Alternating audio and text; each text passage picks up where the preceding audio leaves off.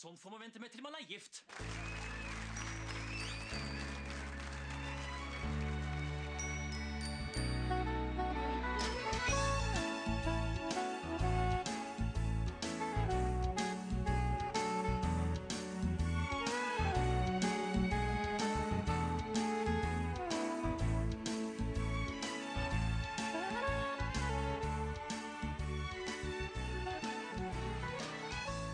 Hallo, velkommen til en ny episode av Norsk film filmpodkast. Podkasten hvor vi ser norsk film med et kritisk, men kjærlig blikk. Mitt navn er Emil. Jeg sitter her som alltid med. Stefan heter jeg, og du Emil, du er vel eh, med i uh, borettslaget, der hvor du bor. Jeg stemmer det. Jeg bor i borettslag. Men er du med? Er du, sitter du i styret, kanskje? Nei, nei, ikke i det hele tatt. Og ikke med på dugnad. det er litt dårlig på sånt. For det, da? Er ikke det gøy å være med på? Det Er med at man skal ha liksom sånn sosiale relasjoner med folk som man bor sammen med. Er det så naturlig, egentlig? Ja. Jeg har alltid likt liksom det å bo litt sånn anonymt. At man ikke nødvendigvis trenger å være på hils med folk i oppgangen, f.eks. For, eksempel, for dette blir en sånn invaderende, føler jeg. Er du en av de som sånn ikke hilser? Nei, jeg nikker jo på vei ut, men uh, hva med deg? Er du aktiv på dugnad og i borettslagsstyrer rundt omkring? Ja, jeg skriver referater og det er med, nei. Nei, jeg holder meg unna det, Men... Du er kasserer? kasserer, ja. Eller nestleder, da. Det er den beste jobben. Nei, men jeg, jeg er jo at man, man skal, når man bor i leilighet og sånn, så skal man hilse og på en måte si hei. Eh, du trenger ikke å pr- prate noe med men du skal si hei og være hyggelig. Mm. Og det, det tenker jeg sånn, det som skiller oss byfolk fra liksom de som kommer fra landet, som på en måte da ikke skjønner det at Uh, hvis du kommer fra liksom sånn Runkerud, og så flytter du til en sånn by, bygård i Oslo, og så er det sånn Å, er det andre mennesker her? Skal jeg hilse på dem? Eh, altså, man, man ikke skjønner det at når man møter folk i oppgangen, så må man hilse. Jeg synes jeg blir provosert over sånne mennesker. Er dette sånn stikk til meg, eller? For du veit at jeg kommer fra Hamar. Det er jo landet i din bok. Ja, men uh, Hamar syns jeg er en fin by som jeg anerkjenner ganske mye. Så det var, jeg var ikke stikk deg. Jeg trodde du var en hilser, så jeg ble faktisk litt skuffet. Nei, jeg, jeg hilser, det gjør jeg. Men det holder med det. Men Du vil si hei? Si hei, ja. Oh, ja, men så- Eller nikk. Ja. Nikk eller ja, men, jeg, du skal si hei. Hei, hei, skal du si. Det er en måte, det er én måte å gjøre det på. Hei, hei. Så i og med at vi snakker om borettslag, så er det kanskje ganske åpenbart hva vi har sett eh, denne episoden her. Hva er det, Stefan? Borettslaget av Robert Kj- Kjærstad? Stoltenberg. Dessverre. Jeg kunne veldig godt tenkt meg å sette borettslaget med Robert Kjærestad. At det er Robert Kjærestad som spiller liksom Pirka og Ali. Å, det var gøy! Han burde hatt en egen sånn komiserie.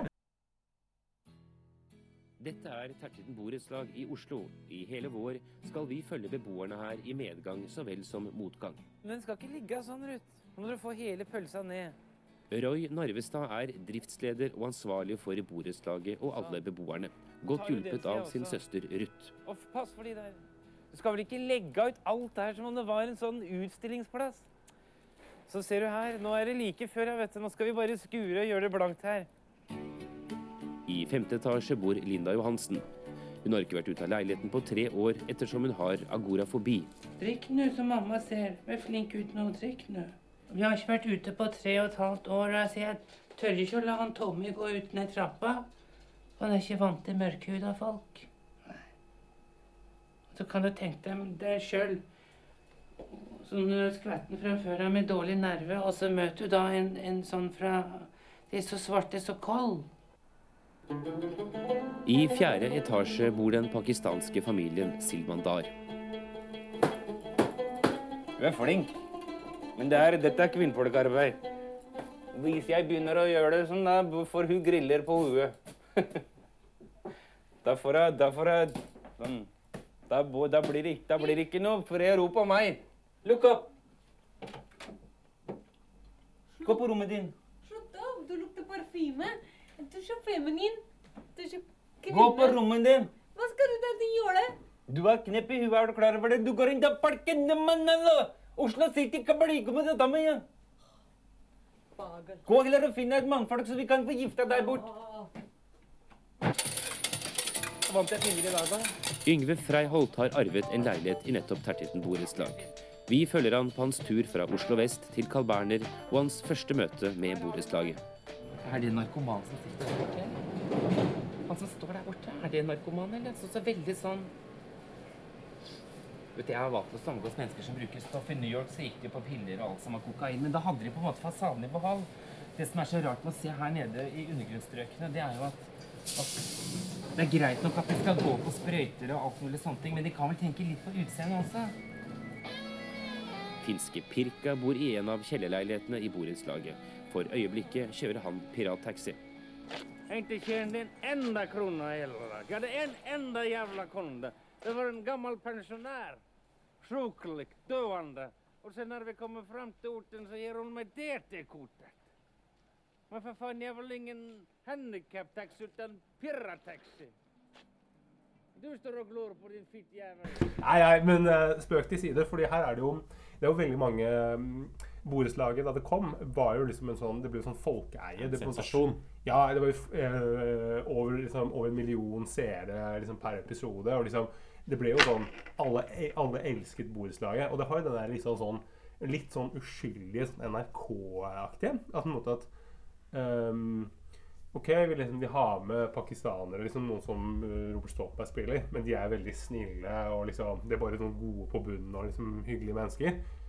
Men så har det også noe med at noe noe litt sånn Ricky Jarways over seg, med at liksom en del av de karakterene liksom er ganske sånn slemme likevel. Ja, det har jo også ganske sånn tydelig inspirasjon kanskje fra The Office. For Ja. det er jo en mockumentary, dette her. ikke sant? At det later som det skal være en dokumentar om dette borettslaget. Så du har karakterer som henvender seg til kamera, f.eks. Veldig mye. Men det er, det er i hvert fall et fiktivt uh, borettslag. Tertitten borettslag, som ligger på Carl Berner. Hvor man følger liksom beboerne i dette borettslaget i medgang og motgang, som de sier innledningsvis. Så vi kan jo kanskje ta en sånn rask sveip over eh, karaktergalleriet. Jeg føler at uh, seriens hovedperson er vel han Narvestad. Roy Ja. Narvestad.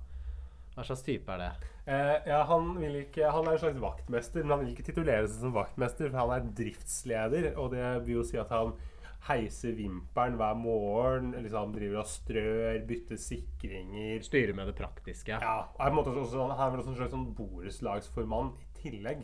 Men lønna, da. Han måtte jobbe Ja, for det er jobben hans å være driftsleder. Ja, han er jo der hele tiden på det lille kontoret liksom ut mot den der asfaltplassen der. Han har et ganske sånn distinkt utseende, for han har veldig sånn grått hår som er en sånn hestehale, og så går han mye med en sånn skinnvest over eh, rutete flanellskjorter. Bortsett fra når han skal pynte seg, da går han med sånn svart vest istedenfor skinnvest. og alltid hvis han pynter seg, så tar han alltid og ruller opp dressjakka. det er det litt sånn gammelmannsgreie. Jeg tror kanskje det.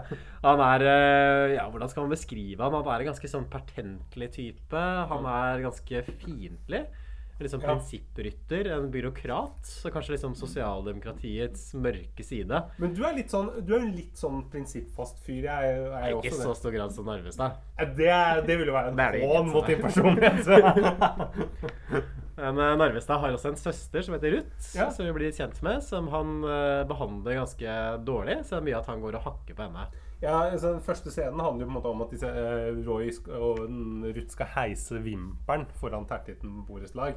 Og da er det jo sånn at han, eh, han dytter henne med en sånn svaber liksom ut i springvannet. For at du skal drive Du må ikke gjøre sånn, herregud! Hva er det du holder på med? Det er mye det er liksom kritisk. Jeg ser mye feil i det folk gjør. Ting skal på en måte bli gjort på hans måte. Og det er liksom og det er viktig at den skal henge rett. og, og på han kaller den, liksom, Det er litt sånn nedsettende han kaller henne liksom, for uh, både tjukk og dum. og liksom, det, er, det er ikke måte på. altså. Ja, han sier vel i en episode at det føles som han jobber på sånn verna bedrift. Når han jobber sammen med søstera si. Hjemme i borettslaget er det lunsjtid. Driftsleder Narvestad har tatt seg en velfortjent pause. Søsteren Ruth kommer som alltid med påsmurte brødskiver. Er det nødvendig å sette den akkurat oppå den der plastlomma der? Så blir det flekker. Ja. Hva er dette for noe? Maker tomat. Leverpostei det spiser jeg ikke. Det har jeg sagt til deg. Jeg vil ikke ha den gamle lave leverposteien. Den gikk ut på dato. Den får du stappe i deg sjøl. Og den derre Gikk ut på dato. Du vil jo ha det, jo. Er ikke du på diett, da? Blåser. Blåser det. Det skulle ikke blåse så mye i, Ruth. Som du ser ut nå, ser ut som ei lita tønne. Løper rundt her som en liten muldvarp. Det der med gener og sånn, det er ikke noe som en umiddelbart arver. Er, vi er vel det beste eksempelet på det, uh, Ruth og jeg. Det er, vi er jo som natt og dag. Så der var vel Vår Herre litt mer uh, litt mer gjerrig når det kom til Ruths vedkommende, for å si det på den måten. Ja da. Fikk verken utseende eller intelligensen. Nei, men det, det er sånn det er. Det er ikke noe å skamme seg over det. Det kan ikke du noen ting for. Men han er jo litt sånn David Brent-aktig type, på en måte, som Ja. har et selvbilde som ikke svarer i hele tatt til hvordan han framstår. For han selv tenker jo på seg sjøl som en veldig sånn fornuftig, rasjonell, populær type. Ja, At han måtte være kongen av borettslaget, og Ja. uten han så ville ikke borettslaget fungere i det hele tatt. Så I realiteten så er det jo stikk motsatt, egentlig. Men han har jo én fan da i eh, neste karakter som vi kan snakke om, som er Linda Johansen. Ja. eh, som ikke har vært ute av leiligheten sin på tre og et halvt år pga. agorafobi.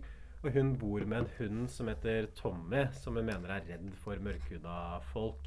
Så hun skal vel kanskje være litt sånn eldre dame? Ja jeg, jeg, kjøper henne. Liksom. Jeg tenker jo at du er i 40-åra når jeg ser henne der. Ja. Men det kan jo være at du egentlig skal være litt eldre. Så er hun fra Brønnøysund. eh, Ja, Liksom sånn Nei, Vesterålen. Vesterålen. Ja, men som er veldig sånn sytete nordnorsk dialekt. Ja. Så slepen stemme. Ja, veldig eh, Hun er jo, hun er jo misfornøyd. Liksom omstendelig og misfornøyd og på en måte og hunden sin med fyrstekake. Mm. Men passer samtidig også på at Roy Narvestad liksom at vimpelen henger rett. Og hvis det kommer noen nye folk inn i borettslaget, det er jo den første til liksom å klage og være misfornøyd. Og, og da tar vi kontakt med Narvestad med en gang. Ja, hun er nesten sånn kvinnelig versjon av Elling. Ja, ja, ja, det er akkurat det. Det er jo Elling, egentlig. Mm. Så har vi også en uh, pakistansk familie som heter Silmandar, som er en ganske sånn tradisjonell muslimsk familie. Faren er veldig patriarkalsk, altså sånn tydelig kjønnsrollemønster der. Eh, da har vi to karakterer i den pyramiden som er spilt av Robert Stoltenberg. Du har han faren som heter Kuram, og så har du sønnen Ali. Som når vi blir kjent med han, så driver han og kjefter på søstera si for at hun skal finne seg et mannfolk som kan gifte henne bort. Så det er jo mye av liksom humoren der, da, sånn tvangsekteskap. Ja, det er jo humoren med han eh, med Kuram, men faren, at uh, de prøver å gifte henne bort. Og på en måte et problem er jo at hun er for tynn. Mm. Hun måtte må være tjukk, fordi jeg liker liksom eh, mannfolk i eh, Pakistan. Mer å ta i, mer å være glad i.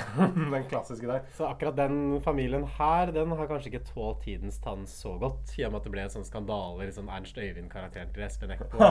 Jeg vil jo si at dette her er mye drøyere, egentlig. Fordi Ernst Øyvind, det er ikke noe poeng med han at han er mørkhuda. Han er bare mørkhuda for å ha liksom variasjon i castet. Mm. Men her er det en pakistansk familie som skal være pakistansk. Og har liksom alle liksom sånn stereotypiske sånn pakistanske ting. I hvert fall sånn som man tenkte liksom tidlig på 2000-tallet. Det er Ja. litt sånn som den uh, Khalid Hussains bok, den derre 'Pakkis', som kom på liksom sånn ja, rundt 1980, som var på en måte den første sånn skildringen av sånn muslimske liksom, miljø. Den måtte ha måte har de samme liksom, Dette her med liksom tvangsekteskap.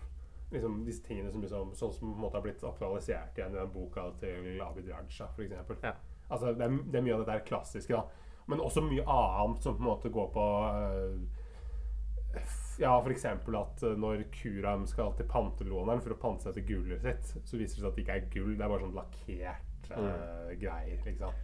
Og Robert Stoltenberg har jo også blackface i disse scenene. Han er jo sminka, han er sminka brun, ja. Er du ser mye, det, altså. du er- ser det når han er Ali, så kan du sammenligne, for det ikke gidder å sminke hendene hans. av en grunn, Mm. Så hendene er jo kritthvite, og ansiktet er brunt. Oh, ja, Så da kan man se, ja, man kan se tydelig kontrast. Ja. Ja. Jeg trodde ikke det var blackface. Altså, han snakker jo også på mye sånn tulle-Pakistan. Sånn shangla bangla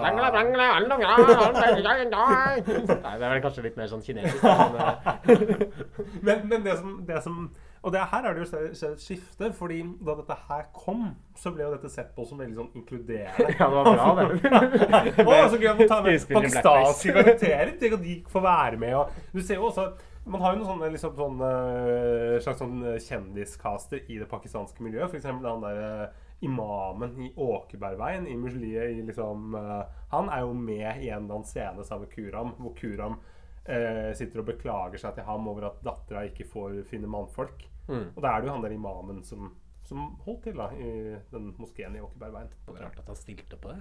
Men det var det, ikke sant? Det, var, det, var det, ble sett på som dette er inkluderende. liksom Ta med de inn i liksom Det er jo litt sånn som Migrapolis. At det er måte det er- samme tiden. Men det er jo litt sånn interessant også at man ikke har tatt et oppgjør med borettslaget, f.eks. Ja. Fordi hvis man liksom I den Ernst Støyvind-debatten så kunne man jo pekt på at ok, vi har liksom en serie som heter Borettslaget, som er mye verre på en måte fra et sånt Hvis man mener at det er et problem, da liksom Mm. at hvite skuespillere spiller uh, folk fra ikke-vestlige land, og på en sånn stereotypisk måte, så er jo Kuram og Ali er jo mye verre eksempler på det enn Ernst Øyvind. På en. På en måte, men jeg, jeg tror grunnen til at oppgjøret ikke har kommet, er jo fordi det er For det første har det ikke blitt sendt i reprise, men for det andre så er jo disse karakterene er liksom Uh, de, alle, de, de andre karakterene har en sånn slem side. Eller på en måte de er ikke helt 100% gode. Mens de to her er på en måte uh, Og Ali er, er ganske relativt hyggelig, liksom. Og han Kuram er på en måte Ok, han vil gifte bort dattera si. Det er kanskje ikke så koselig som tvangsekteskap og sånn, men han er på en måte tross alt en sånn Han gjør det bare for å være grei, og han er på en måte virker som en sånn godmodig, egentlig sånn hyggelig type. Han er Ganske noe harmløs. ja, han, måtte, han er jo liksom han, virker, ja, ja, han, virker, han virker som en god, en god fyr. Det er på en måte bare at han er liksom påvirket av den kulturen han kommer fra. Nei, og så er jo også Borettslaget en mye koseligere serie enn noe som Ja. Espen Eckbo har eh, produsert. Jeg tenker liksom iblant på Robert Stoltenberg som at det er Espen Eckbo med et hjerte av gull. på en måte. Der Espen Eckbo ofte er veldig sånn hard, egentlig litt sånn menneskefiendtlig til tider, så har jo Robert Stoltenberg en sånn varme som gjør at alle karakterene er egentlig ganske sympatiske, til og med Narvestad. Nei, Narvestad er jo ikke sympatisk. Ja, men da, du liker den, gjør man ikke det? Så man heier jo litt på nå. I hvert fall jeg. Ja. Nei, jeg Jeg tror bare jeg har så sans for karakteren fordi at jeg liksom Jeg greier nesten å kjøpe at det er en karakter. At jeg, måte, tenker ikke på den eneste karakteren, kanskje sammen med, sammen med en til, som jeg måte tenker på som måte, det er en realistisk karakter for meg. Mm. For det det er Yngve sånn, Freiholt som du tenker Ja, på som uh, realistiske karakter. Fordi det er jo, det er jo en, også en helt fantastisk karakter, som er denne liksom sånn, eh, en sånn Sånn som man på en måte så for seg liksom, homofile menn liksom tidlig på 2000-tallet, med liksom veldig mye sånne fakter og mye arbeid. Han er veldig dandy, veldig opptatt av utseende, overfladisk. ja. Og har sånn eh, har sånt, liksom, sånn skjegg som ser ut som sånn, eh, sånn handsfree sånn headset. Han har sideburns og så litt sånn svart sånn fittkost under, under kjeften. Og så svarte briller som matcher alt. veldig forfengelig opptatt av klær. og veldig liksom, utrolig dårlig med økonomien og sånn. Mm. Uh, så det er på en måte Det er, sånn, det er jo gjennomgangsfortellingen til den figuren. Ja, Han er på en måte ikke homofil på den Arve Juritzen-måten, tenker jeg. nei, eller- eller han Foss, var det ikke det han het? Han høyrestatsråden? Ja, eller Niklas Baarli, for den saks skyld. Det er, en måte, det er en helt annen type Og så har vi jo selve rosinen i pølsa, som er eh, Pirka. Er, Det er rosinen i pølsa. som er en finne som kjører pirattaxi. Ganske sånn harry tass. Eh, Han banner veldig mye, og så går han i sånn semska skinnjakke. Røyker eh, rullings, kjører en sånn sliten Volvo. Drikker mye, får man inntrykk av. Jeg tror ikke det er Volvo, by the way, bare for å være litt sånn uh, Ok, Hva er det da? Eh, jeg tror det er Mazda. Bare for å være litt pirkete? Det var lyden av oss som tok en high five. Ja. Sånn gjør man når man på en måte er eh, i podkaststudio og spiller inn uh, good shit. I alle fall, Vi kan jo starte med å gå gjennom kanskje det som er uh, viktigste historielinjene her. Og for å ta han Freiholt først. da, At han skal reise til Tertitten, for han har arva en leilighet der av onkelen sin. Så han flytter fra Frogner bort til Carl Berner, som han har veldig fordommer mot. Ja, altså det er sånn harryland. Ja. Har ikke vært på Carl Berner på over uh, 20 år og er liksom ikke vant til å menge seg med bermen. Han liksom reagerer på at det er narkomane, at de ser så stygge ut. Hvis du skal være narkoman, så kan du i hvert fall kle deg litt pent. Ja, det er jeg jo faktisk enig med han i, da. Du syns det at det kunne tatt seg litt bedre ut? Uh, så har man dette her med Silmandar-familien, at de skal gifte bort hun dattera. Og så er det mye som går liksom på Narvestad, at han forsøker å finne seg en partner. Det er jo kanskje sånn historielinja hans. Mm. Ja, og det er også den som eh, Det er jo den karakteren som, som, er hovedkarakteren, og som på en måte får hvor vi får mest, og hvor det skjer mest, og hvor det kanskje er liksom mest interessante historien. da. Det er jo en morsom greie i første episode også, eller første ordentlige episode. Fordi episode én er liksom bare sånn sju minutter lang greie som introduserer karakterene. Så Ja, til, egentlig eh, til ungdommen som på en måte aldri har sett borettslaget og tenker at, og bare skrudd på her for du tenker at oi, det er jo noe fascinerende greier som jeg må se. Så i den første episoden, den kan dere bare sløyfe. Den kan trygt starte på episode to, ja. Ja, og det er helt trygt. Det går helt fint. Og Narvestad må ordne opp når det er en ny beboer som henger klærne til tørk over rekkverket på balkongen.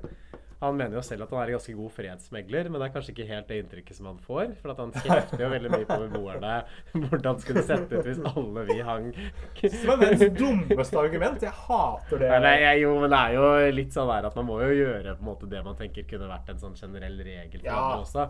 Så der mener jeg han har litt rett, for det hadde jo ikke sett noe bra ut hvis alle bare hang liksom klærne sine over balkongen i et sånt borettslag. Driftsleder Narvestad er på vei for å ordne opp i problemet med jenta som har hengt klesvasken sin over verandakanten. Du må ikke drive oss og kjøre sånn her, for da blir det riper i asfalten. Jeg blir, det er ikke noe skikk på de unga, vet du. De lager riper der i asfalten. Har dere, sittet, har dere sett hva som henger over der nå igjen? Ja. Har dere sett Nei, se der oppe. Ja, det er helt forferdelig. Er det ikke fælt? Jo, Det er så pent. Det er så nydelig. Sånn Nei, det er fælt, det som henger der. Det er det. Ikke sant? Vi vil ikke ha det sånn. Er det ikke ditt? Er det ikke ditt, da? Jo, det er Du som bor i 20D, og ja. Hører ikke, vet du. Hører ikke det. Hvem er det der? Kommer inn det ene øret og ut det andre. Om, om du har aldri så pene klær og henger der, så er det stygt allikevel utenfra. Og hadde det bare vært noe pent med disse her Om vi skulle hengt trusene våre utafor alle vinduene her, åssen hadde dere sett ut da? Hæ? Det spiller ingen rolle om du har vaska det og vaska de klærne, så lenge de ser ut og, og henger der. Men det er jo for å irritere. Det er jo ikke for noe annet. Det er jo ikke fordi det er jo ikke, det er jo ikke av praktiske hensyn, det er jo for å irritere. Jo, det er fordi jeg hadde Nei, nå må du holde munn, for at det, jeg snakka med deg før om det. Ja. Snakk litt med meg, jenter. For jeg jeg er så lei av det der oppvigleriet. Det er jo det det er. Om vi skal leve et anarki, eller om, skal, eh, eller om det skal være visse regler. Og det er det jeg merker med, for meg da, med Narvestad, at i noen settinger så syns jeg han er min helt. For måte, en, han er en estetikkens vokter som, som ikke går av veien for liksom, å påpeke at uh, eksempel i i en scene her så er det noen som skal henge opp en plakat på en vegg. Og så bruker de sånn der transparent teip som er helt umulig å fjerne, og som ser helt jævlig ut for å henge det opp en dør. Og da kommer han med rull med gaffa og sier at sånn teip kan du ikke bruke. Og det er jo helt enig. Det ser mye bedre ut. Han tar en sånn teip som går i ett med døra, som en måte er samme farge.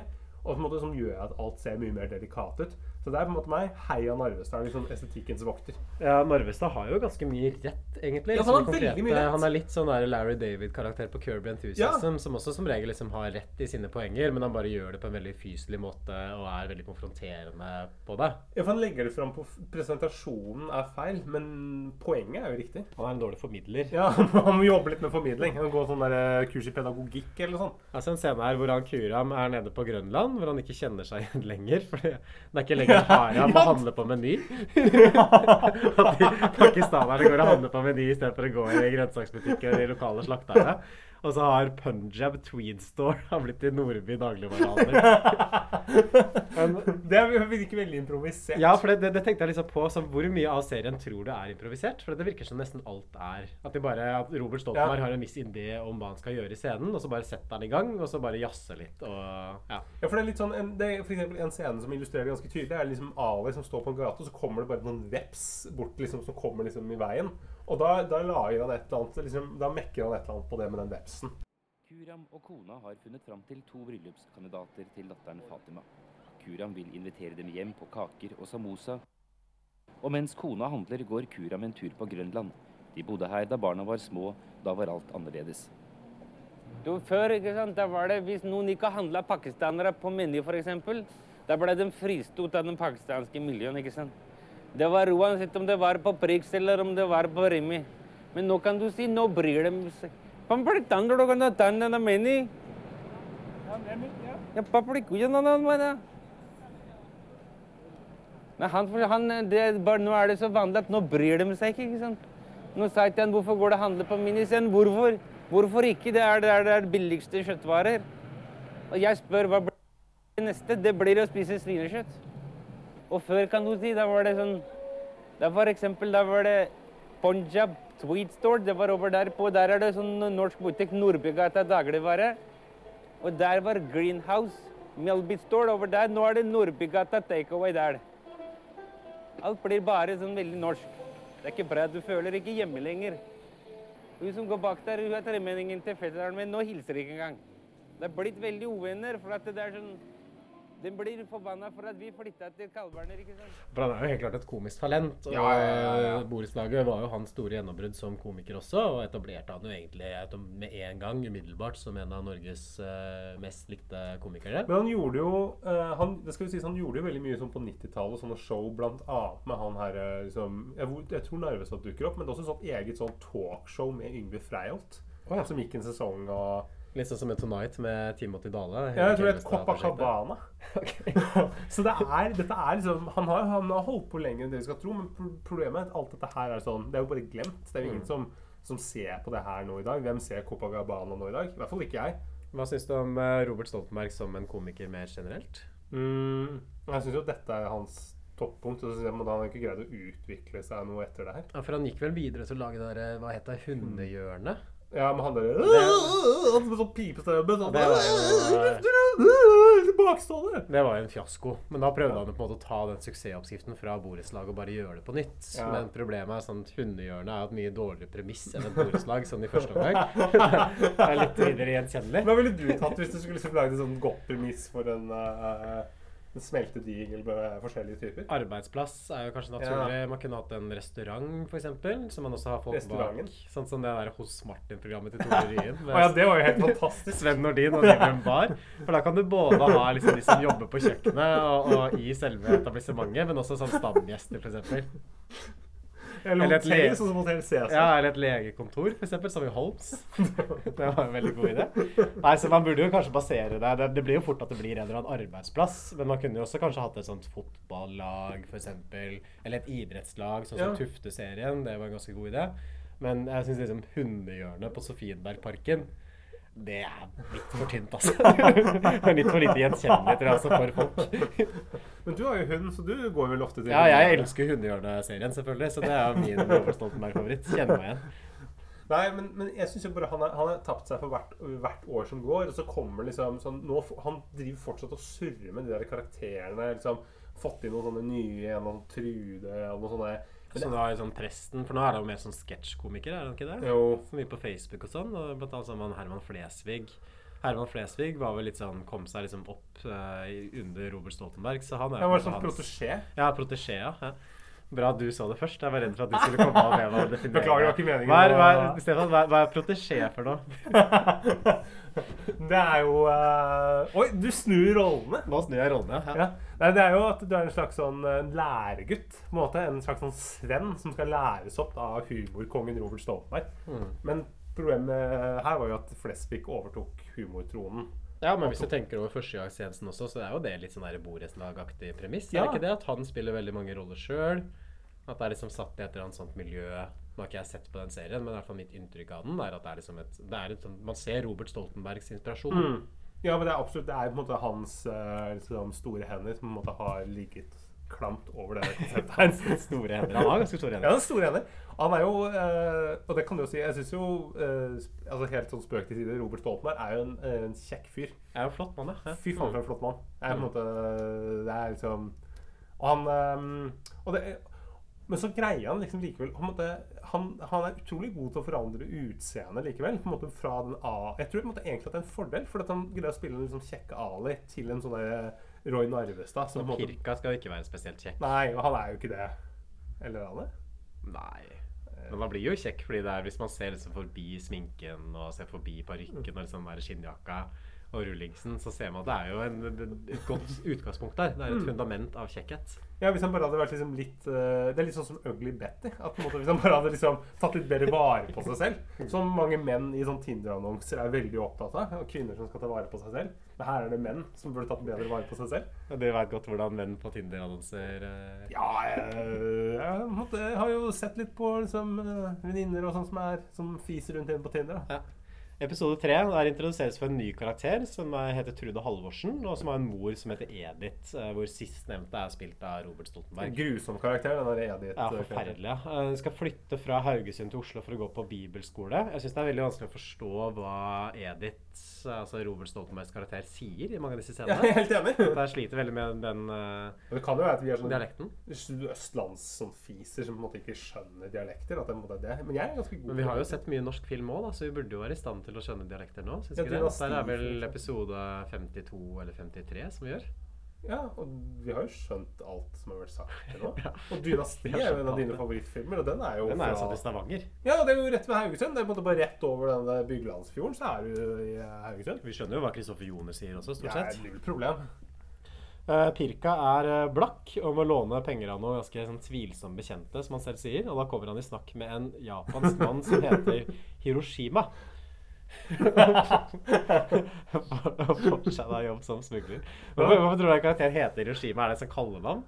Jeg tror ikke det er litt sånn humor eh, for det, er- det må jo være det første Robert Stoltenberg har kommet på. Han tenkte Japan, så er det sånn Hiroshima, ja. Nagasaki på nummer For to. det er ganske, du er ganske baller som japaner hvis du kaller deg sjøl for Hiroshima. Det er navnet liksom. Det er som å være liksom polsk gangster og kalle seg for Auschwitz. Eller Eller norsk å kalle seg for Kristiansund. Kristiansund. For den byen brant under andre verdenskrig. Ja, ja, ja. Eller Åndalsnes. Uh, 22. juli Utøya. Ja. Utøya. Eller Breivik, da. Burde kanskje klippe ut det. nei, nei. Vi, ler, vi ler ikke av Utøya, det er bare av liksom ideen om at man skulle kalt seg for at, Ja, ja. at det er så upassende. Nei, nei, vi kunne aldri ledd av ute. Og Narvestad kommer i snakk med ei dame som skal arrangere svingkurs. Og Yngve Freiholt setter i gang med å pusse opp leiligheta si. Fordi det er en ting som liksom er eh, Freiholt sitt problem da, disse første episodene her, er at eh, han har arva den leiligheten av eh, onkelen sin.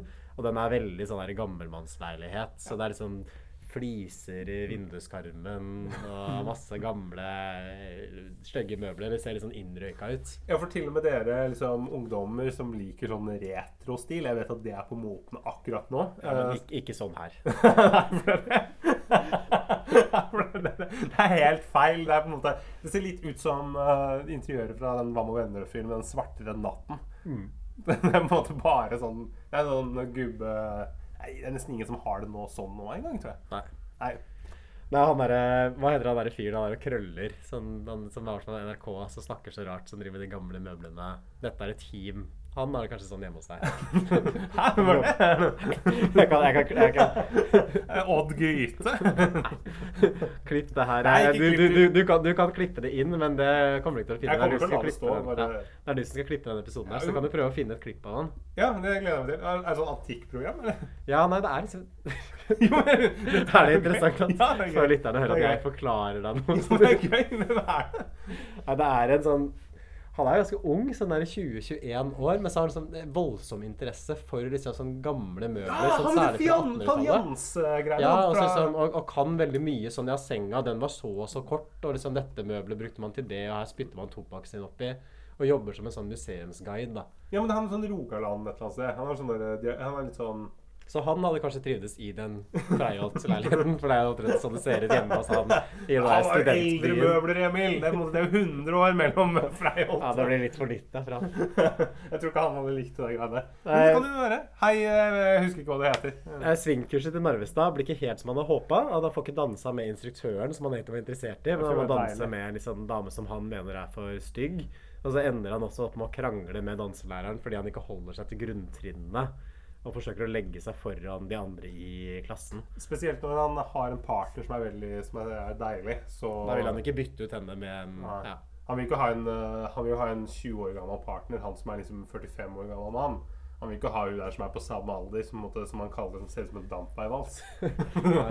han er ganske slem altså, han, er, han er slem, han er veldig direkte. Ja. Men det er jo det som gjør det gøy. Ja, det hadde ikke så, så klart det er det som er karakteren. Men han, han oppfører seg veldig upassende. Men det gjelder vel egentlig for alle karakterene her. Ja, gjør, men gjør Ali og Kuram det? Jeg syns ikke de er så upassende. Nei, kanskje ikke. Kuram har jo litt iblant, ser jeg, sånn F.eks. på det bryllupet hvor det er liksom de damene skal gifte seg. Ja, den, ja! Da er han litt upassende.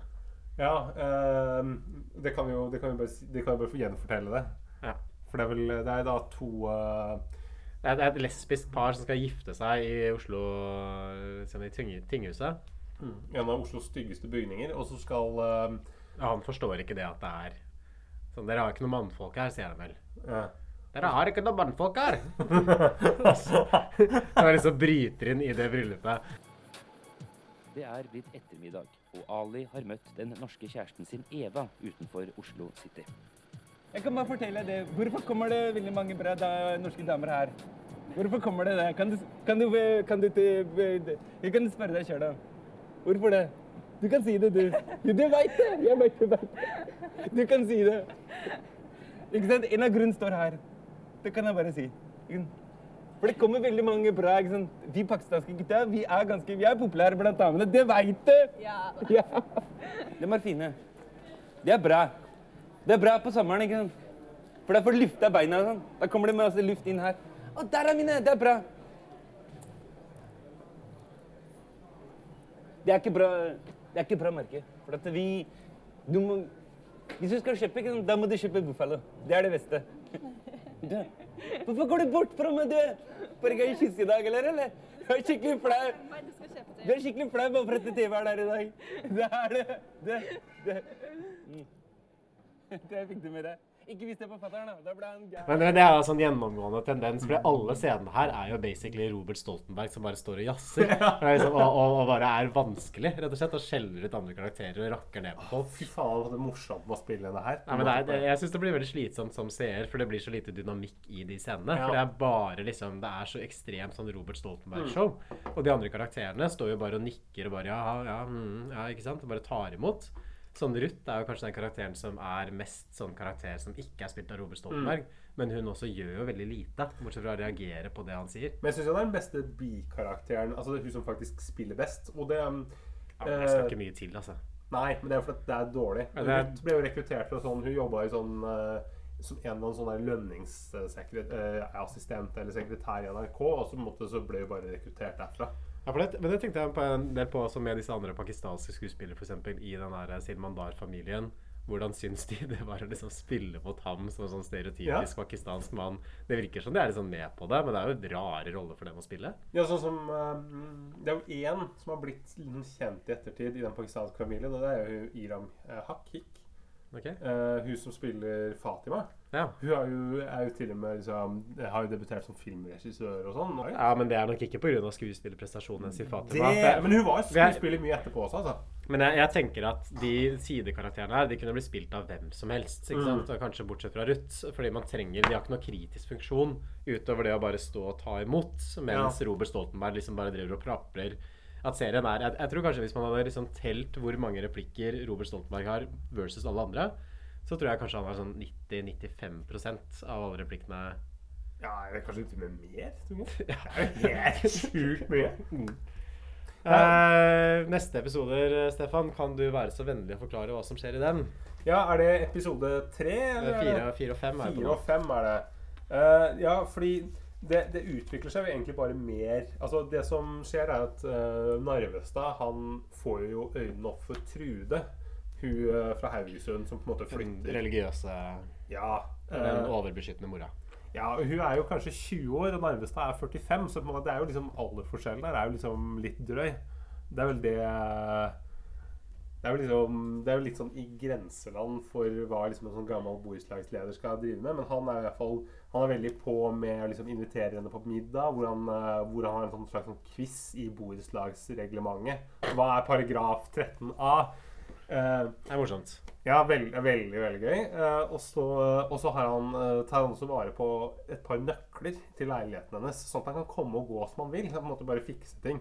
Så det er noen sånne scener hvor Roy Narvestad låser seg inn liksom sånn klokka to på natta for å legge ut rottegift liksom i hele leiligheten.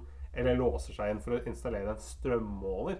Og Trude er jo på en måte såpass veik at hun bare Eller hun bare godtar det her. Bare sånn Oi, er du her, ja? Eh, sier ingenting. Og Narvestad bare «Jeg tenker mest på deg og vil at du skal ha det fint. Og Ja, fordi Trude er vel kanskje den viktigste personen, også, bortsett fra Ruth, som Ja. ikke er spilt av Robert Stoltenberg. Men også den karakteren der er veldig passiv, egentlig. Veldig, veldig helt uinteressant karakter. Og det er hun er jo Jeg vet ikke om vi var inne på det, men hun er på en måte sånn Hun skal jo være, gå på sånn bibelskole og bli misjonær, er jo målet. Og ender vel med å liksom gå en helt annen vei da enn det Det kan man trygt, trygt si. ja. Ja. Uh, for hun det er i hvert fall det. Rai Nærmeste er på en måte en, er en ensom fyr. Han tar og liksom klipper ut Han driver litt med, sånn, med forskning, som du ville kalt det. Mhm. Måtte klipper ut liksom ting fra Som jeg vil. Jeg vil ikke kalle det vil, Det var kanskje sånn svogerforskning? Ja, det- Det det er er svogerforskning. Ja. Han klipper i hvert fall ut sånne avisutklipp om folk som er ensomme og dødd alene og sånn. Og på en måte samler på det. Altså, han er åpenbart litt sånn ensom. Det er litt sånn trist. Ja, Han mener at det er en sånn ensomhetsproblematikk. Men er det også denne episoden her hvor Pirka skal smugle de greiene over svenskegrensa? Ja. Hvor han kjører med den der svære pappeska på stoppen av bilen? På sånn takgrind på taket. Tiendes fest. Åh, smugler. For han er kjører den faen der. Den shitty Hvilket dyrmerke var det du sa det var igjen? Jeg tror det er Masta eller Toyota. Ja, han ser jo ut som han gjør, og så kommer han i tillegg med en sånn brun pappeske oppå. så det blir litt for dumt, så det er smuglerprosjektet hans. Ah, Ja, det Vi kjøper jo ikke det her. Og, og det det er liksom Det er ikke Det er liksom det, er det som er liksom problemet her, er at mm, Robert Stoltenberg kjører liksom Det er veldig mens, mens en del andre liksom, serier, sånn som f.eks. sånn Curb, som du var inne på, det og Seinfeld sånn, hvor det er en sånn sirkelkomposisjon, hvor det på en måte skjer sant, Det er ganske mange eh, moment underveis, og så blir det og så på en måte biter det siste momentet det andre i halen. At det er en sånn der, det er en ganske sånn elegant komposisjon. Litt sånn som i den Tett på tre til Espen Eckbo. Så er det her veldig sånn Historien er på en måte bare et sånn helt endimensjonal. Det er sånn eh, OK. eh, Yngve Freiholt handler på Ikea. Det er liksom det som Ja, og da går han liksom rundt og bare Herregud, jeg kunne aldri tenkt på å handle på Ikea, egentlig. Gud, så stygt ting er. For det, for det er veldig mange scener også hvor karakterene bare går og henvender seg til kamera som, Ja. en, som en monolog. Og sånn som i The Office, for eksempel, da, hvis man skal sammenligne med det. For der har du jo David Brent, som er jo en klart hovedkarakter, men det er også andre sterke karakterer og skuespillere Ja. å spille på. Og det gjør liksom at det føles litt mer organisk og litt mer ekte ut. Mens jeg tror problemet liksom i borettslaget er at det blir så ekstremt dominert av Robert Stoltenberg. Ja. Man har vært veldig glad i han for å få noe særlig ut av den serien her. Og det gjør også et eller annet med dynamikken i scenen og hva det kan gjøre sånn fortellermessig. Fordi alt handlingen må egentlig bare forklares av én karakter da, i disse ulike scenene. Ja, fordi- Istedenfor at man har dialoger for eksempel, eller dramatiske scener hvor ting framkommer. Ja, fordi det er problemet at når karakterene, alle karakterene spilles av Robert Stoltenberg, så snakker jo ikke de karakterene her sammen. Nei, det er ikke ha noe interaksjon, så det føles veldig atskilt ut. Ja, for de lever, de lever i samme borettslag, men de har helt forskjellige liv, og de måte møtes jo aldri. Det er, liksom, det er en scene, den her på, på Ikea, hvor Yngve Freiholt hører eh, eh, han Pirka over eh, kunderadioen til Ikea. Fordi da er det liksom Og syns det er å, så dårlig Pirka leverer på kunderadio. Men det er, det, er liksom, det er kanskje den eneste gangen da, hvor det er noe sånn derre Hvor det hele tatt er et slags Hvor de måte skjønner at de lever i, et, i samme samfunn. At de ikke lever i et sånt parallellunivers. Ja, det er liksom interessant med å tenke liksom på den borettslagssettingen, så hvor nødvendig er den? Det er jo en påskudd for å kunne fortelle historier, fordi alle er liksom basert i samme sted. Men bortsett fra at Narvestad jobber liksom i borettslaget, og at de bor liksom, at det er liksom samme location, så hadde ikke disse karakterene trengt å bo Sånn, Yngve Freiholt kunne jo bodd i Bergen, liksom, og se om det fungerte på akkurat samme måte, og Pirka kunne bodd i Kristiansand. Fordi det, det, det, det, skjer aldri liksom at disse historiene krysser hverandre. ikke sant? De, de går veldig hver for seg. Ja, for det er jo bare, det er jo bare er lett for Robert Stoltenberg da kan han ta på seg liksom pirka på rykken og den der eh, stygge skinnjakka, eller liksom med en gang han skal være Yngve rett etterpå, så kan han bare smøre på seg det handsfree-skjegget, så er det greit. Altså, Det, det, det, det syns jeg var veldig veldig artig. Det var liksom den scenen hvor Pirka begynner å jobbe på Ikea. Ja, blir- den er bra! han Den er får, god. han får problemer med å, med å lese opp sånn tilbud og liksom beskjeder over callinganlegget. Kan ikke du bare klippe igjen den scenen i Fantastisk. Ja. Og der synes jeg faktisk det er en av de der hvor den skuespilleren som på en måte er, eller amatøren som er casta som skal være Ikea-ansatt, faktisk gjør en utrolig god rolle. Nei, det er jeg enig du i. er Hun, hun står jo bare og ler. jeg syns den var ganske fin, jeg, altså. Hæ? Det er nesten litt designoveren, altså. På Ikea, liksom. Nesten litt sånn som jeg kjenner meg litt Nå føler jeg meg litt dum, jeg, altså. Jeg syns den sofaen var fin, og vi er på Ikea. Herlandusten. Info, info, Å gud, hva var det jeg satte meg nå? info, info.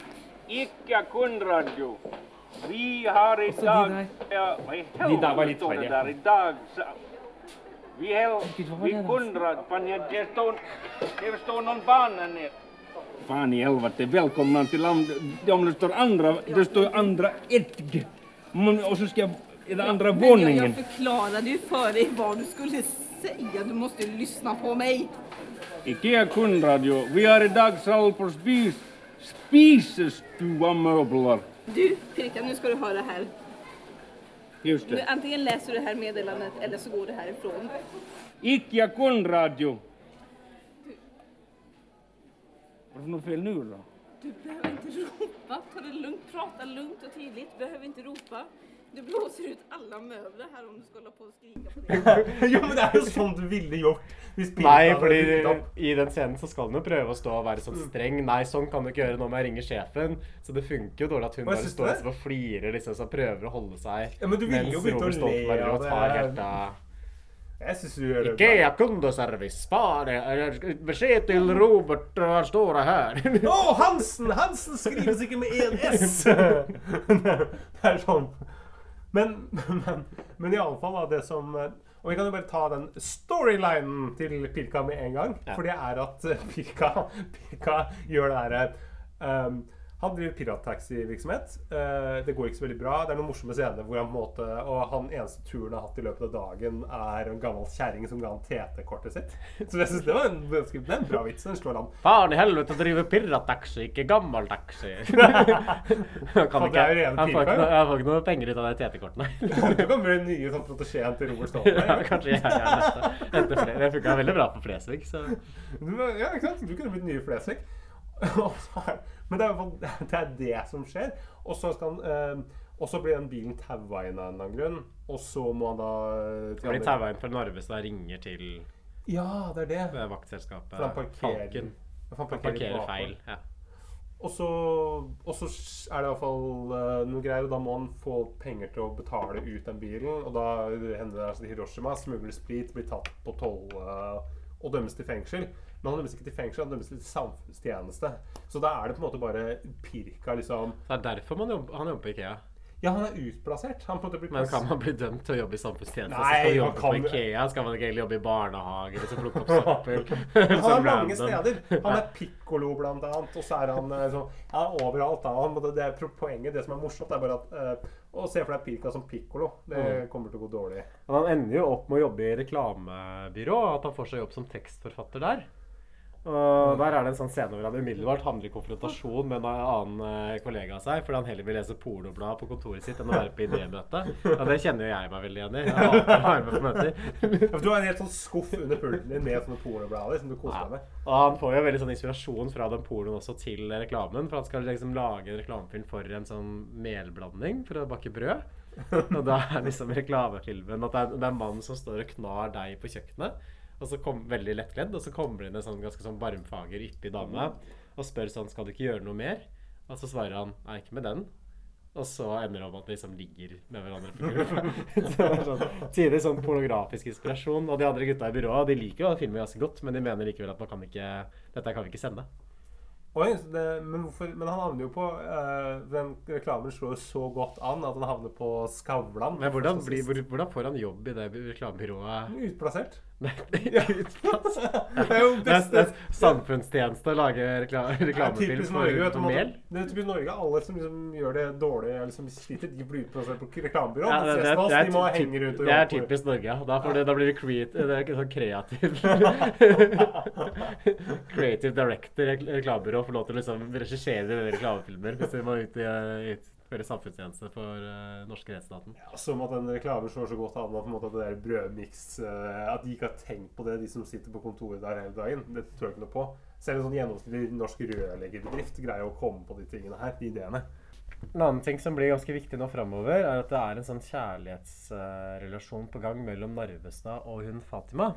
Her Ja. slår jo begge karakterene to fluer i én smekk. Fatima sliter med å finne noen. eh, Narvestad sliter med litt sånn ensomhetsproblematikk.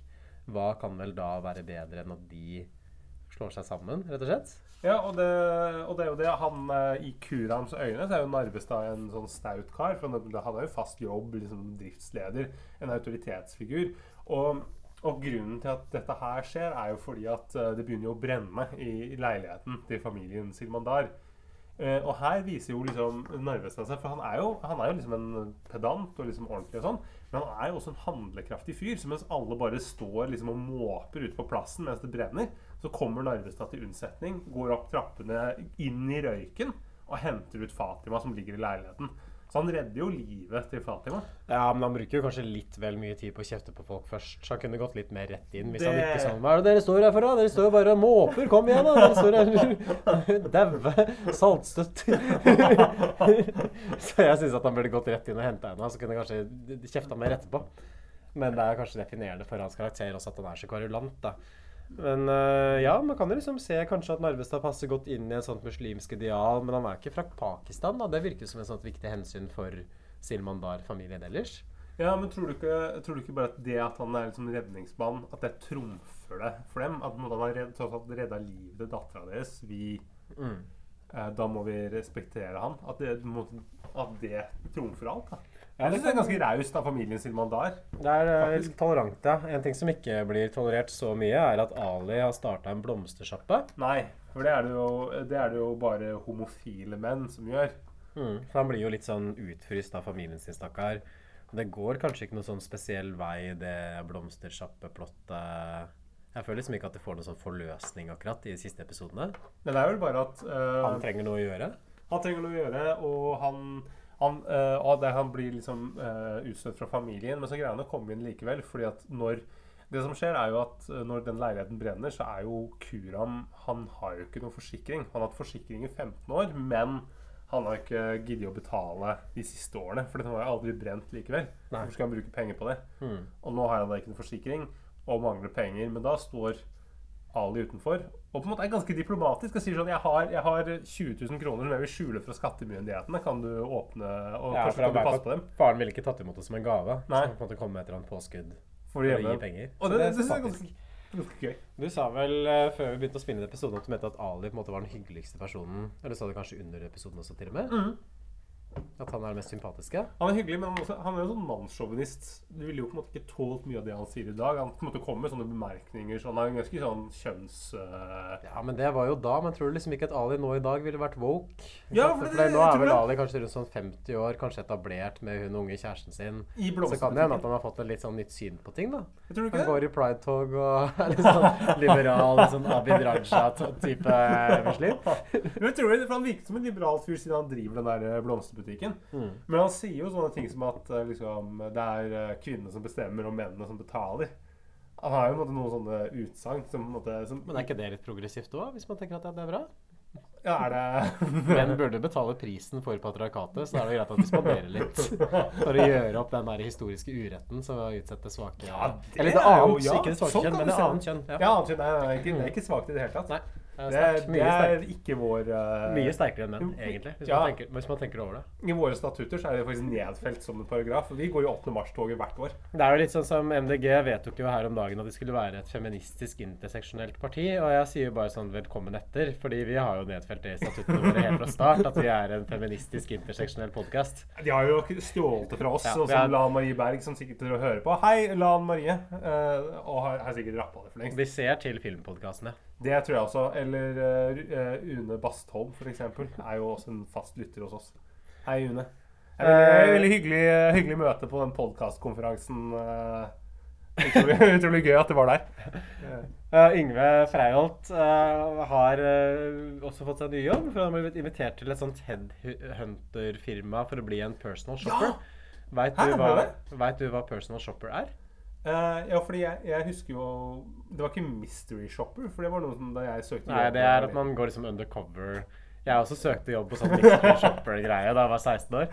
Jeg får fortsatt e-poster fra for ja, Nå kan vi gjøre et oppdrag. Nei, for mystery shopper er jo liksom at man går sånn undercover og prøver å kjøpe ting, og så kan man liksom se hvordan bedriften funker, og liksom om det er grei service og sånn. Ja, sånn er det er, Sier de hei og ha det bra i kassa, eller uh, gir deg ikke kvittering når du kjøper varer og sånn? Det er det mystery shopperen gjør. Ja, så tror jeg mystery shopperen også går med sånn frakk med sånn spørsmålstegn på ryggen. At de sitter med sånne aviser som det klippa et hull til øynene sine. Ja, og sånn, sånn detektivhatt og eh, svarte solbriller. Veldig mystiske folk. Ja, det er de.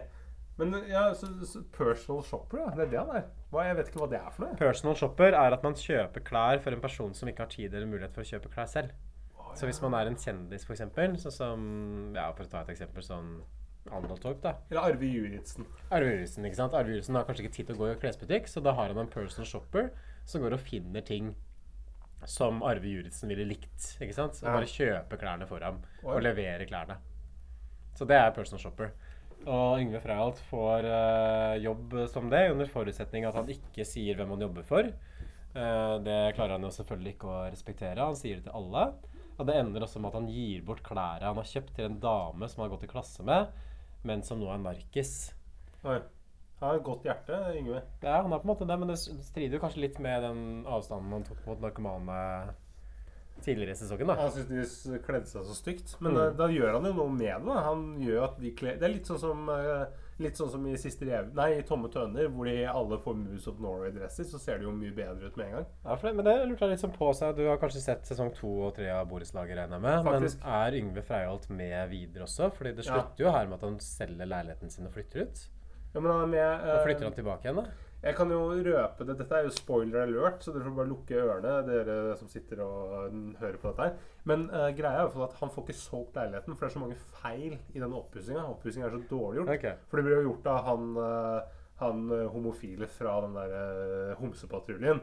Og som alle vet, så er på en måte homofile de er jo ikke noe gode til sånn De er gode til å få det til å se fint ut. Upraktiske folk, ja. Ja, det er det. Så det er på en måte den klisjeen, da. Så, mm, så han blir boende der, da, fordi han får ikke solgt leiligheten. Det er også et plott i disse siste episodene som uh, resonnerte ganske mye med meg personlig. For det er Linda Johansen som mister hunden sin, Tommy. Har du mistet hunden din, Ted? Nei, men det er, bare, det det er jo det jeg mest er redd for i hele verden, selvfølgelig. At han skal forsvinne. Og mm, det er jo ingenting som er verre enn å miste et kjæledyr. Så hun er først på ferie i Danmark for å hilse på sønnen sin. Og så må hun dra hjem i full fart da, til, til Norge for å prøve å lokalisere han Tommy. Og hun får han tilbake i siste episode av en veldig sånn awkward uh, nordlending. Ja, han som er fra Vesterålen, han også. Ja, jeg skjønner ikke helt hva som er greia hans, egentlig. Ganske dårlig skuespiller. Veldig sånn Tore Skoglund-aktig figur. Ja, Men det blir jo kanskje sånn hinta til at de kan innlede en sånn romantisk relasjon kanskje på, på sikt. da. Jeg syns det er helt urealistisk. for jeg tenker på en måte at Han han er jo ikke noe interessert til å inn, Han vil ikke innfinne seg i noen sånn re- relasjon med hun. Nei, men hun Linda Johansen er jo litt pen, på en måte. Men det er jo liksom for at Robert Stoltenberg er en pen mann. Ja. Så hun blir jo liksom med de blonde krøllene sine Kanskje ikke så mye former, men det er jo litt attraktiv på en måte også. Ja. Personligheten trekker jo ned, da. Men rent sånn utseendemessig så tror jeg det har vært grei catch foran nordlendingen. Ja, for det er er, han er jo helt vanlig fyr. En gammel fyr, ja. En gammel fyr med sånn svart skinnjakke. Mm. Og Trude Halvorsen tar også et oppgjør med mora si, fordi hun har begynt å jobbe som undertøysmodell. ikke sant? Gått litt bort fra den kristne bakgrunnen. Mm. Og det blir litt sånn der forløsende for uh, seeren også, for det er vel en av de få gangene i serien hvor noen liksom står opp og konfronterer disse Robert Stoltenberg-karakterene med budsjettet sitt. Sånn som Ruth gjør aldri det. ikke sant? Så alle scener mellom Narvestad og Ruth er at han står og kjefter på henne, og hun bare står og tar imot. Til og med når Ruth blir bedt om å, liksom, å flytte ut fra leiligheten hvor hun har bodd i alle år sammen med Roy Narvestad, så er det bare sånn eh, Når Roy Narvestad sier at Nei, men du, kan jo, du trenger jo ikke å flytte, du kan jo sove ute på balkongen, jeg skal skaffe deg sånn god luftmadrass og dundyne, så er du på en måte helt med på Ja, det. hun tar det, ja. Så jeg syns det var litt sånn digg, fordi veldig mange av disse karakterene er jo veldig sånn vanskelige sånn vriompeiser, ikke Ja. sant? Kverulanter. For det er det som er humoren ofte. Ja. det, er, det er jo det ingen, det er ingen av disse her som på en måte ville Det er ikke noe du ville bodd med, eller på en måte hatt et samliv med. For det er alle er jo vanskelig å være sammen. Men det gjør også at serien blir ganske hard, fordi mange av scenene er jo bare de folka som står liksom behandler andre folk dårlig, Ja. og de folka som bare står og tar imot, eller som sier veldig lite på det. Og som da ikke spilles av Robert Stoltenberg, men Ja. spilles av noen randoms. Så her får man jo endelig liksom en sånn situasjon hvor noen kanskje tar oppgjør med det som i hvert fall for meg er den klart mest irriterende personen i serien, som er mora til Trude. Ja, den Så jeg syns det var ganske forløsende, egentlig, for meg. Kanskje det beste skuespill bortsett fra det Robert Stoltenberg leverer, faktisk. Ja, det var ikke så bra skuespill. Det er noe, i hvert fall. Eh, Pirka blir invitert på Først og sist, som var det Skavlan sitt program het før. Og ble intervjua sammen med Kjetil Try, som er sånn norsk kjent eh, reklamemann. Bestevenn til Jens Stoltenberg, by the way. Og Det er også en premiere på den reklamefilmen, og den reklamefilmen er egentlig ikke så problematisk sånn sett med dagens øyne. fordi den er jo veldig sånn fra kvinnens perspektiv. At det er jo mannen som er et objekt der. Det er han som liksom står og glinser og er lettkledd, og man ser rumpa til. Så den er nesten litt sånn woke, den reklamefilmen som Pirka lagde. Ja, men, men, The Female Gaze. men her kommer det der NRK litt sånn der koselig inn. At dette er så veldig NRK sånn der beste sendetid på lørdagskvelden. Som skal treffe ja, Litt sånn som familierestauranten Egon. At den alltid liksom, det treffer, liksom, det treffer Det skal treffe alle. Mm. Alle skal føle seg hjemme. Og det på en måte skal ikke være noe ubehagelig å se på. Sånn som det der. Ja. Jeg likte du den reklamefilmen, eller? Eh, nei. Nei. Hvorfor ikke? Nei, det var måtte være ikke. Det, heller. det Det blir for spekulativt. Ja, men det, og jeg går ikke, går ikke på sånn type reklame. Mm. Jeg kjøper ikke det. Jeg synes det er ikke jeg, jeg tror Jeg kjøper ikke historien med at Pirka kommer inn der og kommer med den der liksom Det blir litt søkt, liksom. At han kommer på Skavlan for en sånn reklamefilm som ingen har sett engang. Ikke sant? Sånn der, hvor man ofte ser det. Det er vel ingen som blir tatt aldri. på Skavlan for å ha lagd en reklamefilm. Men vi har knapt nok sett Kjetil Try på Stavlan. eh, Altså, enda mindre, Det er jo ikke noe som kommer da. Jeg har lagd reklame for Dumle. Jeg er på en måte på, på Skavlan. Ja, men jeg syns jo på en måte Pirka har et poeng også, for han sitter jo og sier det at reklamebransjen også tenker man for mye med hodet. Ja. Man må tenke mer med pikken, for det er det som egentlig driver folk. Og det er vel en sånn klassisk teori også, at mye reklame handler om å spille på sånn seksuell angst og begjær. I hvert fall de fleste menn eh, Mm. liker vel det. Ja, så der tror jeg han har helt rett, egentlig. Ikke tenk så mye med hodet, tenk mer med kjønnsorganet, for alt egentlig bare handler om sex, da. Kanskje det er det faktisk det beste som er liksom mest sånn filosofisk som er, blir sagt i den filmen, som er ganske godt sagt. Uh, det som er hovedplottet i disse siste episodene, her er jo det at Narvestad skal gifte seg med hun Fatima. Men på vei til bryllupet så kommer han i trøbbel. For han blir tatt i billettkontroll, og så nekter han å betale fordi stemplingsmaskinen ikke fungerte, og derfor han ikke, ikke har gyldig billett. Og det blir selvfølgelig en svær scene. Han blir henta av politiet til slutt. Og der også nekter han å identifisere seg og skrive navnet sitt på et ark. Og han kommer for seint, eller han kommer kanskje ikke i hele tatt til bryllupet. Så Fatima blir gifta bort med en annen kis, da.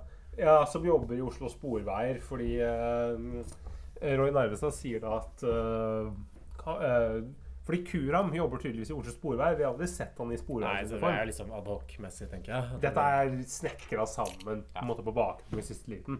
Men iallfall fall denne budbringeren som kommer med beskjeden til bryllupet og sier at uh, Ragnar Narvestad ikke kommer, han blir da gifta bort fordi han, han har ikke dame. Mm. Og da er det nok. Hvordan tror du liksom Sett at det bryllupet faktisk hadde gått i stand, da man liksom har fått sesong to og tre hvor Narvestad og Fatima faktisk var gift. Mm. Hadde ikke det vært sånn interessant? Eller ville det liksom, eller ville det blitt for problematisk hvis Narvestad liksom gikk og kjefta på en sånn muslimsk dame i alle scenene? For det ville jo bare blitt det. Ja, for det hadde jo blitt, da, da, hadde, da hadde du måttet slenge noen sånne, sikkert sånne ras, halvrasistiske ting for at det skulle vært liksom Jeg tror ikke en, uh, Robert Stoltenberg hadde greid å styre seg. Han hadde slengt inn ting som ikke hadde vært uh, helt innafor. Mm. Men han er jo uh, Fordi i siste episode så er han jo heisa under vimpelen sammen med Fatima. Han er jo han er fortsatt veldig mye hyggeligere mot Fatima enn Ja. han er mot uh, søstera si. Ja, men Kanskje det kunne menneskeliggjort han litt også? ikke sant? At han er liksom en person som er snill og kunne fortsatt ha kjefta på Ruth og de andre beboerne. Ja, men at her er han kjærlig. Henne, det er liksom Han trykker henne til sitt bryst. Så er det sin synd, egentlig. Men man sier jo ofte liksom i TV-serier sånn status quo is king. da, ikke sant? Man skal alltid holde på Oi. status quo. Så hvis det kan skje liksom ut som Det kan se ut som at når karakterer skal gifte seg, eller sånt, så skjer det veldig sjelden. Fordi man alltid skal ha den der grunngreia at serien kan komme seg videre fra der den starter. Mm. Så jeg tror kanskje at vi bare tenkte at nei, Narvestad kan ikke gifte seg med Fatima, så da må vi liksom konstruere en eller annen årsak, og da ble liksom billettkontrollen som det de gikk for til slutt. Litt sånn i siste Men liten, kanskje det hadde vært mer interessant hvis de faktisk hadde gifta seg? At det kunne påvirka serien og Ja. Jeg tror du har eh, Der har du skutt gullfugl, altså. Mm. Det kan jeg si når jeg skal bli liksom Robert Stoltenbergs nye protesjé og bli ny Flesvig. Men Robert, det borettslaget, jeg respekterer den kunstneriske prestasjonen, men det skulle latt Narvestad gi seg med Fatima på slutten av sesong én.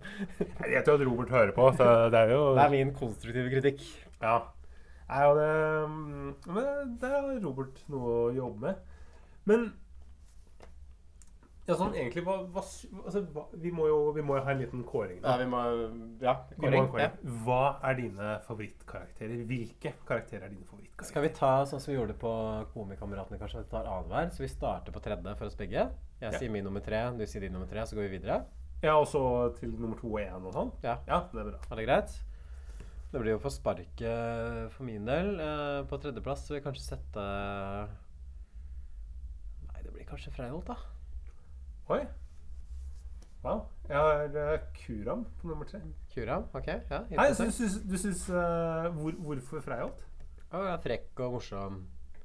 Jeg må jo si at jeg, jeg syns jo jeg, likte jo ikke å se dette her i det hele tatt. Så det er jo egentlig bare to karakterer som jeg tenkte er gode. Å ja, de er over over disse, ja, de er, de er nummer én og to, så tredjeplassen er litt sånn vilkårlig. Ja, men da, da går vi bare videre til nummer to. Ja. Nummer to, det er uh, Pirka. Oi. Er din, det er vel din bunnkarakter, Ja, meg, jeg syns han er helt krise. Jeg syns den eneste det, det er Hva er det som er dårlig med han? Jeg skjønner ikke det. Men det er jo ikke noe, det ikke noe å spille på. Det er, bare sånn, det, det er sånn full finne som driver og kjører i taxi. Men det måte, han bare sånn! Nei, men Kuram er jo bare en sånn pa pakistansk familiefar. Hvor, hvorfor er det mer å spille på? Ja, men Det er jo morsomt når han går etter liksom, den der uh, pantelgående for å veksle inn, veksle inn gull, og så er det bare sånn der uh, spraylakkert tinn, liksom. Men jeg syns det er morsommere når Pirka er kundeservice på Ikea. jo, men Det er en bra scene, men det veier ikke opp for all den jeg tror, jeg blir sånn, altså, OK, Pirka liksom uh, kjører liksom over svenskegrensen med liksom masse kasser liksom opp i takgrinda, liksom, som du ser. Uh, selvfølgelig blir han stoppa. Det er, hele karakteren Det er så forutsigbart. Det er liksom en og annen vits, men det er ikke Nei, Jeg syns det er mer forutsigbart enn den tvangsekteskapshandlinga tvangsekteskap-handlinga til det pakistanske dere- Pirka er i hvert fall en original karakter, da. Er han det? Det må du full finne. Det har jo ikke noe, det har jo ikke noe Nei, det Vis meg andre fulle finner i norsk uh, TV-underholdning, da. Ja, det er han ene i eh, den der eh, svart humor. Han som måtte henge rundt på Grønland, som er en ekte full finne. Kan du se det? Nei, ja, ok. Ja, det er en ekte full finne. Så det er en av de eneste som er både rasistisk og full finne. Hva er det du setter på nummer to? Eh, ja, jeg har Yngve Freyholt, jeg. Ja. Jeg syns Yngve Freyholt er bra, jeg. Mm.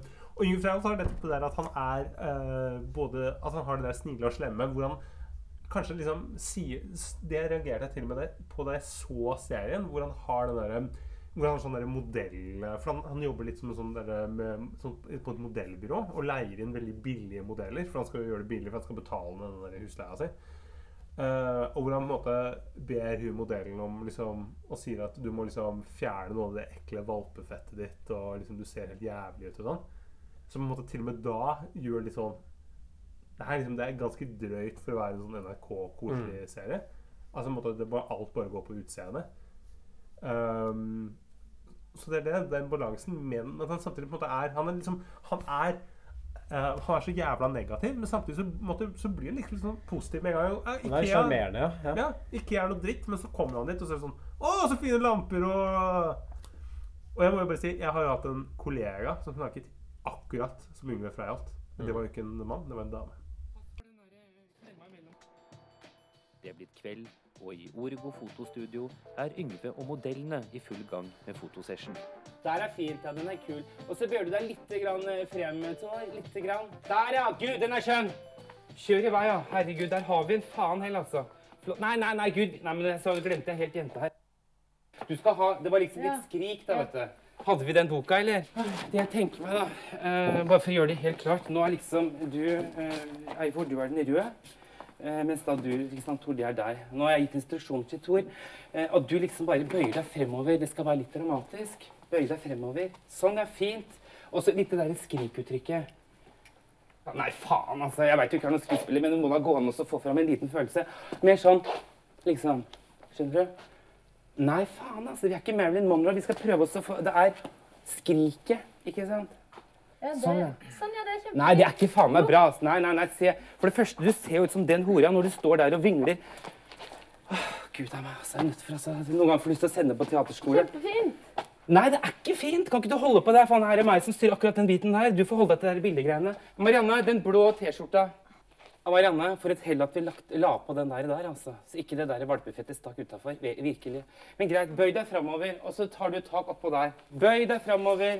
Over der. Gud a meg. Sånn, ja. Nei, men se på de røde øya. Har vi noe clear eyes, eller? Faen, altså. Du kan ikke grine på settet, vet du. Vi må, være, vi må leke litt proff. Er vi så uproffe, eller? Hæ? Se på deg. Fettet henger og dingler utafor. Gikk jeg for langt nå, eller? Hva med nummer én? Skal vi, det er kanskje det samme som vi har, så kan du telle ned kanskje, og så kan vi si det på likt. Se om vi har, eh, er inne på det samme. Er det litt morsomt? Ja, for du har garantert uh, Ali Silverberg. ja. Nei, jeg tenkte på Trude Halvorsen. Det er min nummer Ja, det er så- Nei, eh, tre, to, én Narvestad. Roy Narvestad. Det tar hele dagen her. Nei, ja, det er, ja, det er jo klart den beste. Ja. Ikke sant? Det er jo definerende karakteren for hele prosjektet. Ja, og den er litt sånn Den har en sånn der, litt sånn David Brent-aktig eh, sånn hovedperson i The Office. Mm. Men også en original karakter, ikke sant? Mm. Og, mens de andre kanskje er litt mer sånn stereotypiske. Sånn Yngve Freyholt er på en måte bare en homofil mann. Mens Roy Narvestad er liksom et eller annet som Det føles veldig norsk ut, først og fremst. At det er litt sånn parodi på en måte på det norske sosialdemokratiet. Liksom pertentligheten som sånn kanskje kjennetegner den Ja, kjennetegner liksom vår samfunnsmodell. Og det er ikke en karakter som man ser så veldig mye av sånn i andre typer sammenhenger. At han føles veldig unik og liksom godt tenkt ut, da.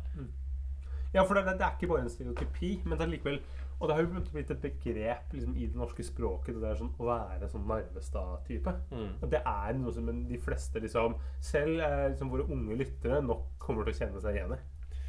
Hva er den dårligste karakteren? Verste? Pika. Ja, ikke mora til Trude Halvorsen? Jo, jo, jo mora til Trude Halvorsen er jo mye verre. Jeg syns blant hovedfigurene så er det nok Linda Johansen som jeg liker uh, minst. Ja, nest minst for meg. Ja. Bortsett fra hvis du ser ja, eh, mora til Mora til Trude Trude Halvorsen. Mm. Pirka og så Line.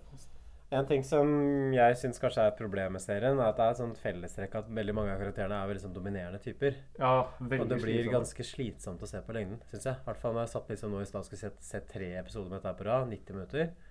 Jeg blir ganske lei, altså. Annen For det er, ja, det er nesten som, som Curb Enthusiasm, så er det liksom samme problem med at den pitchen i alle scenene er på en måte lik. ikke sant? Det er bare krangling og kjefting og smelling. Mm. Og også veldig sånn frustrerende, for det er ofte folk som blir ganske sånn dårlig behandla, men som ikke tar til motmæle. Nei, jeg, jeg må si at jeg syns det gikk veldig treigt å se disse episodene av Borettslaget. Til, Mm. episoden- til den episoden her. Ja. Har du noe respons på det? Eller forsvar? Nei, jeg, jeg syns det var litt mer som en sånn der jevn flyt. At det var, det var helt greit å se det. Men det var ikke noe sånn, det ga meg liksom ikke sånn veldig mye. Det, måtte, det var helt grei underholdning. Kanskje litt sånn som det er førstegangstjeneste Herman Flesvig. Mm. Men Robert Stoltenberg skal jo ha det at han i hvert fall var han i sin tid så var han var en av de første i Norge som lagde sånn type humor. Med sånne karakterer og Ja, men Du syns ikke du liksom kan se tilbake på Espen Eckbo for eksempel, som Jo. en sånn naturlig forløper? Jo, men han har jo hatt noe av det Jeg tror egentlig Boys Boys og sånn. Ja, for jeg vil jo si at Boys Voice og Nissene på låven er jo bedre enn det. det her, som man ser det i hvert fall nå i dag. Ja, men det det seg bedre. Men det er jo det at dette her er litt sånn uh, Til tross for at Det som redder det for meg, er jo for at liksom en del av de karakterene er ganske slemme sånn i bunn. At du har ikke du har ikke prøvd å gjøre dem hyggelige. Du ser etter hvert altså Hvis du skal ta en sånn analyse av borettslaget, så ser du ut som tre, som er den siste sesongen, så gjør det at Narvestad-karakteren har blitt mye hyggeligere. Han har fått seg kjæreste, f.eks. Det er helt urealistisk at noen vil være sammen med den fyren her. Det tror jeg ikke ville skjedd på ordentlig. Og det er litt det samme som man gjør i, med David Brent. Når man lager en sånn uh, For noen år siden så lagde man en sånn Office-film med David Brent. Og der er det også en dame på kontoret som er veldig interessert i David. Uh, og liksom Og han har blitt en sånn derre uh, liksom, Ja, eh, han har blitt mye hyggeligere, da. Han er på en måte fortsatt et rass, men måte det, og det er helt urealistisk. Vi skal, måte, vi skal få liksom mye mer sympati med karakteren. Mens her er Narvestad fortsatt liksom en, en usympatisk fyr, og det, det setter jeg litt pris Så på. du mener det er urealistisk at liksom usympatiske personer kan forbedre seg og Ja, men det er kjedelig, for det er jo ikke det, det morsomme er jo nettopp at han er en, en rass, et rasshøl, men at han også har noen gode sider innimellom. F.eks. det at han redder Fatima er liksom litt ganske handlekraftig. At jeg, jeg vil ikke bare ha en sånn der, bare en god følelse når jeg tenker på Narvestad. Det vil, jeg vil være litt mer splittet. Jeg kjenner på liksom ambivalensen og spenningen. Ja. Nei, jeg, jeg ser den, men jeg syns jo samtidig at det er en mye tydeligere liksom sånn en emosjonell Kall det varme, liksom, i dette her enn sammenlignet med Espen Eckbo. Ja, ja, ja, For Espen Eckbo er- jo et et sånn nitrist univers. Så man får jo inntrykk av liksom alle karakterene, egentlig. Så man kan liksom like dem, eller man har en sånn varmhet for dem, syns jeg. Til tross for hvor dårlig det oppfører seg, som er Yngve Freiholt, f.eks., som er en helt uspiselig type. Men et eller annet med liksom sjarmen til Robert Stoltenberg som gjør at han likevel blir ganske sympatisk, tross alt. Mm. Men, er, men likevel er ikke Yngve Freyholt Han er jo ganske hyggelig mot Trude, som, måte, som faller litt sånn utenfor og står liksom mellom det misjonslivet som er blitt trøkka inn i, og egentlig vil bli modell. Så kommer jo Trygve til unnsetning og er en god venn. Og på en måte drar henne med på fester og litt sånn. Mhm. Ja. Så, så jeg vet ikke om egentlig trygg Nei, det er vel som folk flest, da. Liksom, både godt og vondt blanda. Ja. Men det er, det, det, er sånn, det er det Robert har fått til. Mm. Skal vi trille terningkast, eller? Har du noe mer å si?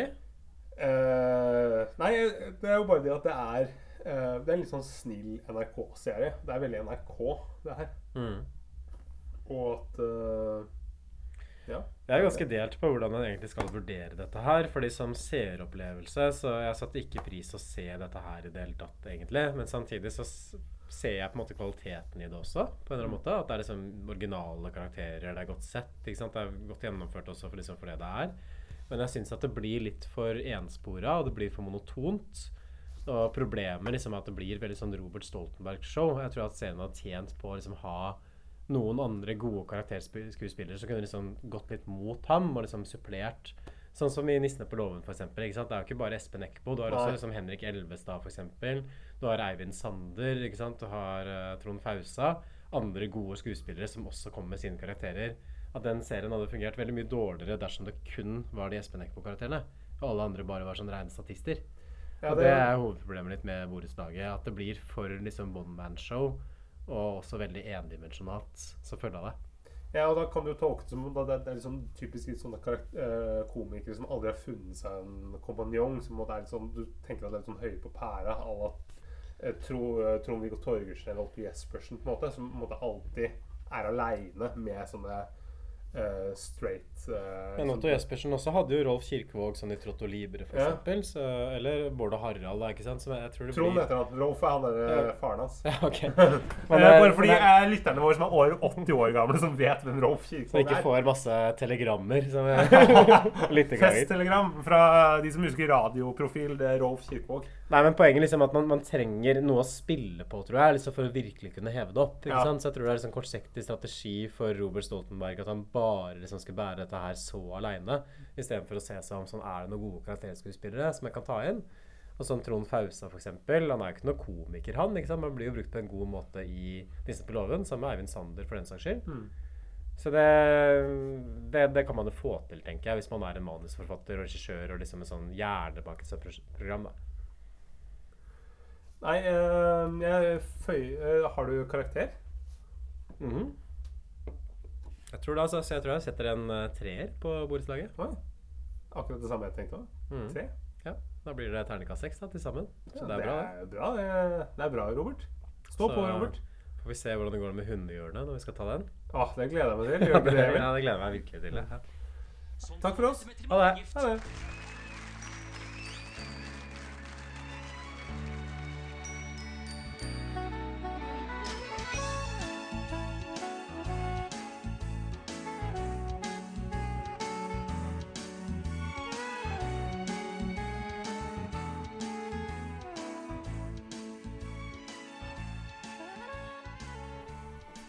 Jeg kan fortelle at det er veldig spennende i, denne år her. Hvorfor, du spør? Det er fordi at nå jeg gifter bort den dattera mi. I forfjor jeg da gifte bort den gamle dattera mi, men i år er det den nest gamle dattera. Og jeg har fire. Fire datterer, og i år er det den.